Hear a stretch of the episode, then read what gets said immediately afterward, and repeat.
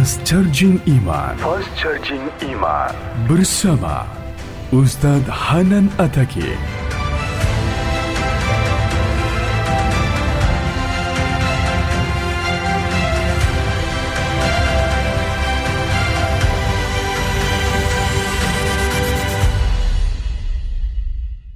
Salah satu surat yang ketika dibacakan oleh Ammar bin Yasir membuat ayah dan ibunya masuk Islam, yaitu surat At-Tuha. Ada tiga part dari surat ini. Part pertamanya intinya adalah ma wadda'aka rabbuka wa ma qala. Di situ Allah seolah-olah ngasih tahu ke kita supaya kita jangan berputus asa, supaya kita jangan um, merasa kesepian, supaya kita jangan patah semangat, supaya kita jangan pesimis, supaya kita jangan pundung. Kenapa? Apa siapa pun boleh meninggalkan kita, tapi Allah nggak pernah ninggalin kita. Pasangan kadang-kadang kalau lagi ngambek boleh nggak baca WA kita sampai tiga hari, tapi Allah gimana pun kita bikin dosa, kita berdoa Allah masih dengar kita. Orang lain bisa aja ninggalin kita karena ada hal yang nggak nyaman. Allah itu sering dapat hal yang nggak nyaman loh dari kita, tapi nggak pernah ninggalin kita. Rasa-rasanya nggak ada cinta yang lebih sejati dan pastinya kecuali cinta dari Allah kepada hambanya. Bahkan seorang ibu aja nggak bisa nandingin cinta Allah kepada kita. Padahal ibu udah paling baik ya. Nggak ada lagi orang yang lebih berjasa dalam hidup kita selain ibu kita di antara manusia setelah Rasulullah pastinya. Kecuali ibu kita sendiri yang udah mengandung kita dalam keadaan wahnan ala wahnin, kepayahan demi kepayahan, melahirkan dengan resiko nyawa, menyusui dua tahun lamanya, membesarkan dengan segala bentuk pengorbanannya, ternyata itu nggak ada apa-apanya dibandingkan dengan cinta dan kasih sayang Allah kepada kita. Ibu kita bisa kecewa walaupun dia sayang banget sama kita. Ibu kita bisa aja marah walaupun dia sayang banget sama kita. Bahkan ibu kita bisa aja bikin kita sedih atau e, terluka atau kecewa walaupun dia orang yang paling berjasa dalam hidup kita. Tapi Allah enggak. Sehingga Allah bilang, "Ma wa ma qala." Ketika kamu merasa ditinggalkan oleh banyak orang, Allah nggak pernah ninggalin kamu. Ketika kamu merasa dicuekin oleh banyak orang, Allah nggak pernah cuekin kamu. Buktinya, ketika kita banyak dosa pun berdoa, Allah masih mengijabah. Apalagi kalau kita tak taat. Itu part pertama dari surat Ad-Duha. Dan ini kita coba jadiin kayak motivasi hidup kita teman-teman. Ketika kita lagi lemah, ketika kita lagi drop, kita baca ma wadda'aka rabbuka wa ma qala. Kalau kita mengaku Allah hasbi, cukup buat saya Allah, hasbi Allah, hasbunallah, berarti kalimat itu harusnya kalimat motivasi banget. Terjemahan dari kalimat itu banyak. Ma wadda'aka rabbuka wa ma qala bisa diterjemahkan la tahzan innallaha ma'ana. Bisa. Ma wadda'aka rabbuka wa ma qala bisa diterjemahkan dengan kalimat uh, fa inna ma'al usri yusra. Ma wadda'aka rabbuka wa ma qala bisa diterjemahkan inni ma'akuma asma'u wa ara. Aku bersama kamu berdua wahai Musa dan Harun asma'u wa ara. Mendengar dan melihat la takhafa. Jangan takut wahai Musa dan Harun. Idhaba ila Fir'aun. Pergilah kamu berdua kepada Firaun la takhafa. Inni ma'akuma asma'u wa ara. Aku yang akan memantau apa yang terjadi pada diri kalian. Jadi aku tahu banget, update banget setiap detiknya. Bahkan sebelum terjadi, aku sudah mempersiapkan perisai untuk melindungi kalian. La takhafa, jangan takut. Itu terjemahan-terjemahan yang banyak di Al-Quran tentang kalimat ma wadda'aka rabbuka wa maqala. Atau mungkin kita bisa challenge diri kita sendiri ya.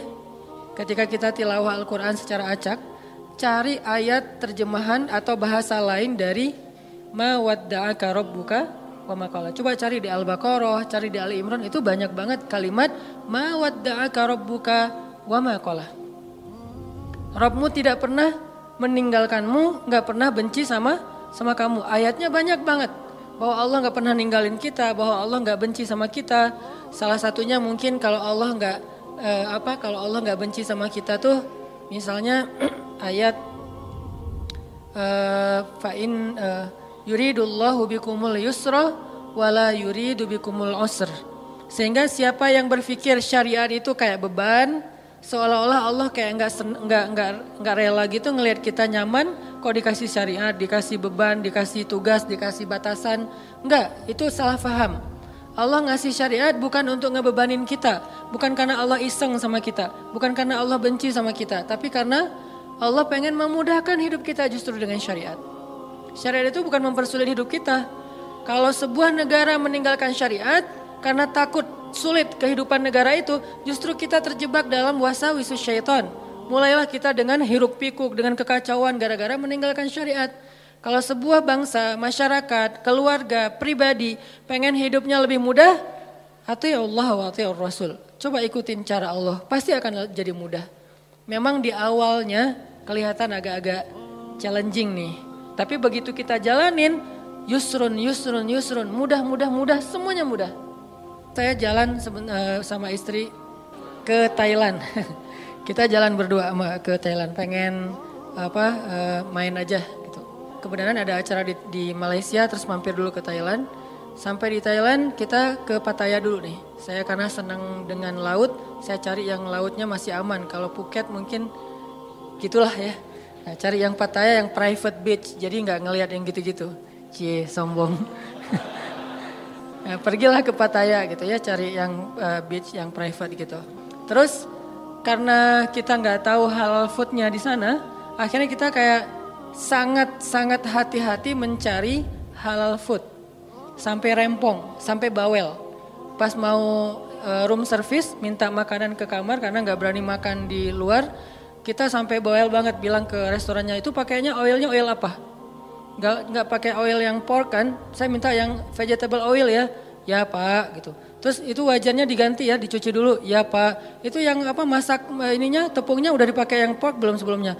ya bisa kita bikin yang baru Pak. Sampai mereka sebel banget gitu kan karena banyak banget permintaannya padahal pesannya cuma nasi goreng. Tapi permintaannya panjang gitu. Akhirnya dihidangkanlah nasi goreng seafood. Kita makan berdua sepiring. Gak penting banget sih. Gak ada hubungannya dengan tema. Nah udah gitu malam kita cuma nyari uh, buah aja kayak gitu Nah, karena kita berusaha untuk ketat dalam masalah halal food, kalau nggak benar-benar kita bisa yakin bahwa ini halal atau minimal dia uh, apa uh, aman gitu, maka kita nggak akan berani. Ini berusaha lah, belajar taat kecil-kecilan. Bukan hal besar sebetulnya, tapi justru saya ngeliat di sini hal kecil dihargain sama Allah. Kalau hal besar apalagi kan ya, hal sepele kayak gitu doang, Allah langsung kayak ngehargain gitu. Ini bukan karena saya soleh, tapi karena saya mencoba untuk meniru orang soleh. Akhirnya mendapatkan janji yang Allah janjikan kepada orang soleh. Sayanya belum soleh, tapi karena meniru orang soleh, dapat juga nih yang dijanjiin Allah kepada orang soleh. Udah ketat, seharian kita makannya uh, susah banget. Nah besoknya mau ke Bangkok, belum pesan hotel. Tadinya udah pesan lewat travel agent, tapi cancel. Tadinya ada satu jenis hotel yang di pusat kota dekat dengan tempat pembelanjaan nemenin istri. E, ternyata dari travel agent itu katanya nggak nggak dapat. Oke, okay, cancel. Saya pesan pakai online. Pesan nyari yang dekat dengan hotel itu. Entah gimana caranya Allah ngarahin saya untuk ngeklik satu hotel yang saya juga nggak tahu speknya kayak gimana. Pokoknya udah aja ini aja deh yang paling dekat walaupun ada beberapa pilihan. Ambil hotel tertentu namanya Ya gitu deh pokoknya ada namanya lah ya. Nah pas sampai di Bangkok kita masuk ke hotel itu lagi check in. Tiba-tiba ada teman lama saya nih orang Bandung. Dia istrinya lagi lewat jadi hotel sama kondonya itu bersebelahan. Dia ternyata tinggal di kondonya. Dia lewat ngeliat kayak Ustadz Hanan. Dia ngubungin Benzo.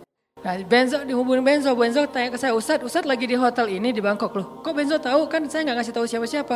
Nggak tadi ada uh, teman yang ngelihat Ustadz, dia kayak ragu gitu, bener nggak? Oh iya bener, kenapa? Dia ngajak Ustadz nanti malam cari makan halal dan Thai banget gitu. Alhamdulillah berarti kemarin susah, dikit, sekarang Allah kasih jalan keluar. Bukan hanya itu, ternyata hotel yang saya pilih itu dia udah uh, halal restoran untuk breakfast tuh aman, udah halal karena susah kan nyari hotel dengan sertifikat halalnya di sana. Tanpa kita ketahui ternyata Allah arahin kita ke hotel yang nggak perlu bawel lagi untuk uh, room service-nya. Karena dia udah halal restoran. Ditambah lagi diajak sama teman saya uh, untuk makan yang halal food tapi Thai banget, enak, uh, ditraktirin itu yang paling enak. Nih saya berpikir kalau saya lebih cepat atau lebih lambat. Satu menit aja pas check in kan saya nggak bakalan ketemu dengan istrinya sehingga kita nggak berpapasan nggak saling uh, tahu. Allah yang bikin timingnya pas banget. Dia jalan lewat depan hotel, saya masuk check in, dia ngelihat ke saya, terus dia ngubungin Benzo, Benzo ngubungin ke saya, pas dapat wifi karena ngandelin wifi banget kan luar negeri teh, irit gitu. dapat wifi, saya langsung balas, Qadarullah malamnya dimudahin, akhirnya kita jalan, makan, halal, enak, mu, bukan murah, gratis. Jadi saya teringat, wa may yattaqillaha yaj'al lahu makhraja wa yarzuqhu min haitsu la yahtasib. Wa may yattaqillaha yaj'al lahu min amrihi yusra. Wa may yattaqillaha yukaffir anhu sayyi'atihi wa yu'zim lahu ajra. Itu janji Allah. Siapa yang taat sama Allah Allah kasih jalan keluar. Ini jalan keluarnya siapa yang taat sama Allah Allah kasih rezeki yang tidak terduga-duga. Ini rezeki yang tidak terduga-duga. Akhirnya ketemu teman orang Bandung yang udah tinggal di sana. Siapa yang tahan sama Allah? Allah mudahin urusannya. Jadi mudah ke mana-mana digayat. Siapa yang tahan sama Allah? Allah gugurkan dosanya. Berharap kayak gitu. Dan dilipat gandakan pahalanya. Berharap juga kayak gitu. Ini artinya hal sepele gini aja Allah hargain. Karena faman ya'mal mithqala dzarratin khairan yaroh. Pasti Allah bales ma rabbuka wa makola. Jadi Allah itu nggak pernah absen teman-teman, nggak pernah offline, nggak pernah ke kelewat gitu. Aduh ada yang kelewat nih nggak sempat di like. Kalau kita kan kalau terlalu banyak nge-following, akhirnya udah ketutup-tutup ya, ketimpa sama yang baru posting gitu. Kadang-kadang karena saking banyaknya kita nge-following, pasangan sendiri nggak pernah di like. Kenapa? Dia posting, ketimpa lagi, ketimpa lagi. Kok kamu nggak pernah nge-like postingan aku? Emang kamu posting? Kamu gitu banget ya sama aku? Akhirnya rame gitu kan ya. Padahal kita nggak ngelihat, soalnya ketutup sama postingan yang baru-baru. Allah nggak pernah gitu. Allah nge-following semua hambanya bahkan lebih dekat daripada urat lehernya. Wahuwa ma'akum aina kuntum. Membersamai kalian di mana pun kalian berada. Tapi ketika kita post adegan-adegan kehidupan kita, nggak pernah ada yang ketimpa dan kelewat sama Allah untuk di like, untuk dikomen, untuk di repost, bahkan Umar di repost oleh Allah di Al-Qur'an kata-katanya ini artinya Allah la ta'khudhuhu sinatun wala naum. Kulla yaumin huwa fi sya'n. Ma wadda'aka rabbuka wa ma qala. Ini jadi penyemangat teman-teman. Gak usah khawatir untuk taat. Kita bikin dosa aja Allah masih maafin kita, apalagi taat, Allah pasti akan menghargai kita. Itu part pertama dari surat Ad-Duha. Part kedua, alam yajidaka yatiman fa'awa wa wajadaka dhallan fahada wa wajadaka ailan fa'aghna. Tiga kalimat yang luar biasa itu menjelaskan arti dari ma wadda'aka rabbuka wa ma. Apa bukti bahwa Allah nggak pernah ninggalin Nabi Muhammad? Kata Allah, alam yajidaka yatiman fa'awa. Bukankah dulu kamu lahir dalam keadaan yatim? Lalu Allah kasih naungan? Kalau Allah ninggalin kamu, nggak mungkin kamu bisa tumbuh dengan baik kalau Allah benci sama kamu, maka dibiarin aja kamu terlunta-lunta dalam keadaan yatim. Wa wajadaka dhallan fahada. Bukankah kamu dulu pernah tersesat di jalan mau ke suatu negeri tapi kamu salah ngambil jalan di tengah padang pasir akhirnya nggak tahu arah ke tujuan. Kalau Allah benci sama kamu, nggak akan dikasih tuh petunjuk ke negeri yang kamu tuju. Nggak akan diarahin kamu untuk sampai kepada uh, apa destinasi yang kamu tuju. Bukti Allah ma wadda'aka rabbuka wa ma. Alam yajidaka yatiman fa'awa wa wajadaka dhallan fahada wa wajadaka ailan fa'agna. Baca kisah-kisah Al-Qur'an untuk memahami maksud alam yajidaka yatiman fa'awa, terutama kisah Yusuf. Alam yajidaka yatiman fa'awa, yatim gimana yatimnya Yusuf? Yatim di dalam sungai eh, di dalam sumur, nggak punya siapa-siapa ayahnya nggak tahu di mana keberadaan anaknya, kakak-kakaknya udah nggak peduli dengan adiknya, yatiman, fa'awa. Fa'awa pertama ditemukan oleh para musafir. Fa'awa kedua masuk ke dalam istana dan seterusnya dan seterusnya. Alam yajideka yatiman fa'awa.